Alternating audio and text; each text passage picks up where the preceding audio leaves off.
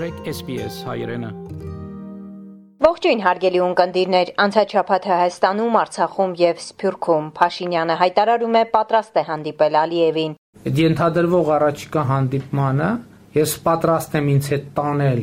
այն քարտեզները, որոնց մասին խոսք է գնում Քոչարյանն ասուլիս է հրավիրել այս իշխանությունները պետք է հեռանան։ Ծնգների վրա կաղնած բանակցելը ուղղակի հարմար չի։ Այս եւ այլ նորություններն առավել մանրամասն նախ մի քանի կարճ նորություն։ Լիտվայի կառավարությունը ամերիկյան արտադրության մոդեռնա պատվաստանյութի 50000 դեղաչափ է տրամադրել Հայաստանին։ Մոդեռնա պատվաստանյութը Հայաստան է ներկրվում առաջին անգամ։ Փարիզի քաղաքապետ Աննա Իդալգոն, որն իր տեխնացությունն է առաջադրել 2022 թվականին Ֆրանսիայի նախագահական ընտրություններում Twitter-ի իր էջում հայտարարել է, որ Ֆրանսիան կարող է ճանաչել Լեռնային Ղարաբաղի Հանրապետությունը։ Նա քաղաքական եւ բարոյական հրամայական է համարել Լեռնային Ղարաբաղի հարցում Հայաստանին սատարելը։ Հայաստանի արտգործնախարար Արարատ Միրզոյանն աշխատանքային այցով Իրանում է հանդիպել այդ երկրի արտաքին գերատեսչության ղեկավար Հոսեյն Ամիր Աբդոլլահյանի հետ։ Ազգային ժողովի նախագահ Ալեն Սիմոնյանի գլխավորած պատվիրակությունն էլ երրորդյա պաշտոնական այցով Ռուսաստանում է։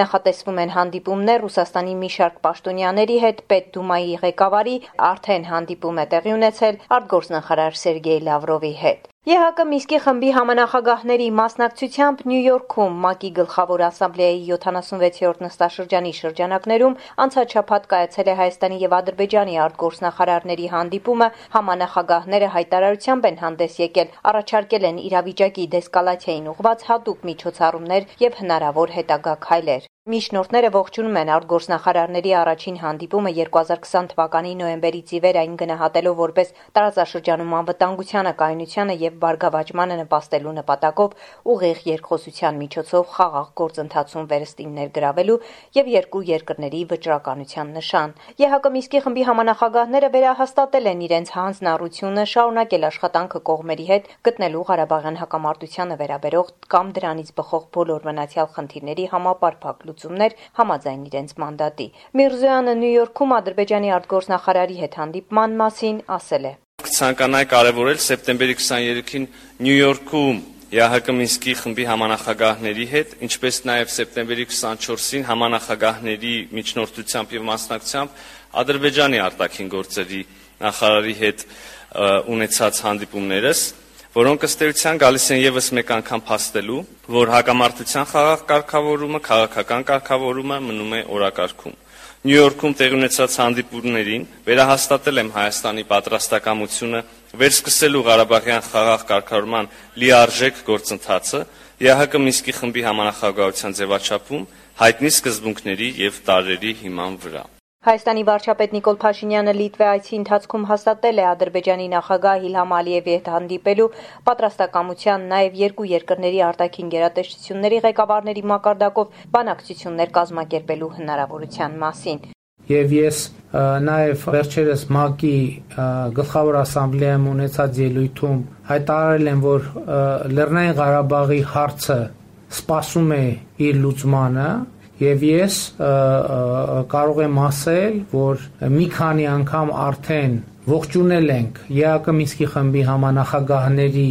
հայտարարությունը, որտեղ նրանք խոսում են, արձանագրում են Լեռնային Ղարաբաղի հակամարտությունը լուծելու անհրաժեշտության եւ այս նպատակով խաղաղ գործընթացը վերականգնելու անհրաժեշտության մասին եւ այս համատեքստում իհարկե ինչպես նախկինում ես հայտարարել եմ, հիմա էլ եմ հայտարարում, որ պատրաստ եմ հանդիպել Ադրբեջանի նախագահի հետ ձեր կոնկրետ նշած հարցին կարող եմ տալ հետեւյալ պատասխանը Լիտվայում Վիլնյուսում պատասխանելով հայ համայնքի ներկայացուցիչների հարցերին Փաշինյանն ասել է, թե պատրաստ է Հայաստանի ունեցած բոլոր քարտեզները տրամադրել Ադրբեջանին գերիների դիմաց։ Ենթադրվող առաջիկա հանդիպմանը ես պատրաստ եմ ինձ հետ տանել այն քարտեզները, որոնց մասին խոսք է գնում, իսկ խոսք է գնում այն քարտեզների մասին, որոնք Հայաստանի եւ Ադրբեջանի զինված ուժերին իրարից չեն բաժանում, այսինքն դրանք ռազմական գործնական անվտանգային նշանակություն չունեն, այլ ունեն միայն հումանիտար նշանակություն, որովհետև գտնվում են Ադրբեջանի զինված ուժերի թիկունքում։ Հոկտեմբերի 4-ին մամուլի ասուլիսով հանդես եկավ Հայաստանի երկրորդ նախագահ Հայաստան Դաշինքի առաջնորդ Ռոբերտ Քոչարյանը։ Նրա համոզմամբ պատերազմից հնարավոր էր խուսափել։ Արդյոք պատերազմը անխուսափելի է եղել, թե պատերազմը հրահրվել է միտումնավոր, թե մեր մասած միամտությամբ, քաղաքական միամտությամբ։ Նայեք, ընդհանրապես յուրաքանչյուր պետություն, յուրաքանչյուր կառավարություն միջև պատերազմ սկսելու որոշում կայացնելը պետք է անի եւ անում են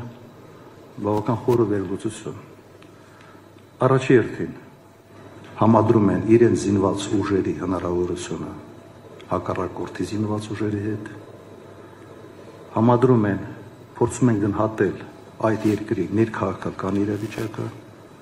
արդյոք ունակ է այդ երկիրը կոնսոլիդացնել իր հասարակությունը, հաջորդը փորձում են հասկանալ հակառակորդ երկրի կառավարության ունակությունները 18 թվականից սկսած Հայաստանի կառավարությունը արել է ամեն ինչ, որ բոլոր այդ հանգամանքները համընկնեն եւ որ Ադրբեջանը իրավիճակը գնահատի որպես բարենպաստ պատերազմի ձևով Ղարաբաղի հարցը լուծելու համար ծնկների վրա կանգնած բանակցելն ուղակի հարմար չէ, ասել է նա։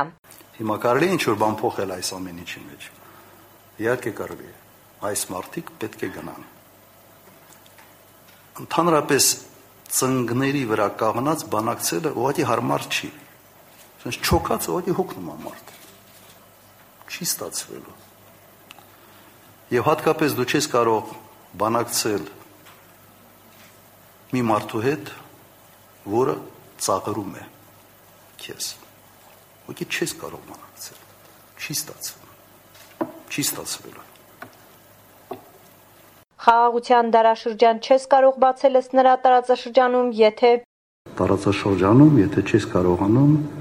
այդ խաղաղության դարաշրջանը հաստատել քո սեփական երկրում եւ չես արել որևէ քայլ այդ նպատակին հասնելու համար հատկապես պատերազմից հետո եւ հատկապես պատերազմի հոգեբանական հետևանքները շտկելու համար։ Արցախ. Նախագահ Արայք Խարությունյանը Ստեփանակերտում պատասխանելով падգամավորների հարցերին, թե որն է նպատակը վերջերս Լևոն Տեր-Պետրոսյանի հետ հանդիպման, ասել է բանակցային գործընթացի արմատներին ծանոթանալը։ Ընդհանուր առմամբ գործընթացը ինձ համար շատ փակ էր։ Փորձել էի ճշտել ինչ է կատարվել 91, 96, 97 թվականների բանակցային գործընթացի հետ, ինչպիսի խնդիրներ են եղել, ինչ զարգացումներ են եղել որտեղ ես շատ հարցեր ես էլ ունեմ մեր իշխանավորներին, անկախության տարիներին կարող ենք արդյոք խուսափել պատերազմից, եթե իրականում բանակցային գործընթացը ճիշտն է։ Ես դեռ շարունակելու եմ հանդիպումները Արցախի արտգործնախարար Դավիթ Բաբայանը նշել է, որ իրենց համար առաջնային է կարգավիճակի խնդիրը եւ նշել. Ինչ վերաբերում է բանակցային գործընթացի միանալը, իհարկե անելու ենք ամեն ինչ։